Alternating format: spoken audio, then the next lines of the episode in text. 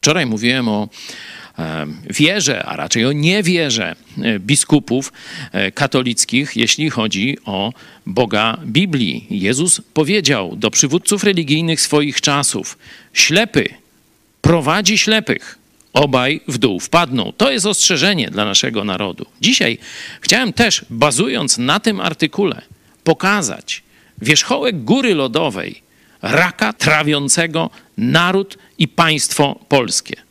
Otóż tu widzimy haniebny, będący zbrodnią sojusz tronu i ołtarza. Widzimy, jak szef, dyrektor Urzędu Kontroli Skarbowej współdziała z księdzem pedofilem w uciszeniu ofiary.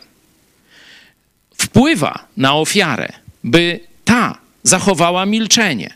Dopiero kiedy on zapewnia, urzędnik państwowy, że ofiara będzie milczeć, ksiądz wraca z Brazylii, wiedząc, domniemując, że nic mu się nie stanie. Stawiam tezę, że nie jest to przypadek odosobniony, że dzieje się tak we wszystkich polskich urzędach, że macki Watykanu, macki księży, biskupów, proboszczy sięgają do każdego urzędu w Polsce i dlatego w Polsce nie ma sprawiedliwości dla zwykłych ludzi. Dlatego mamy do czynienia ze świętymi krowami w sutannach.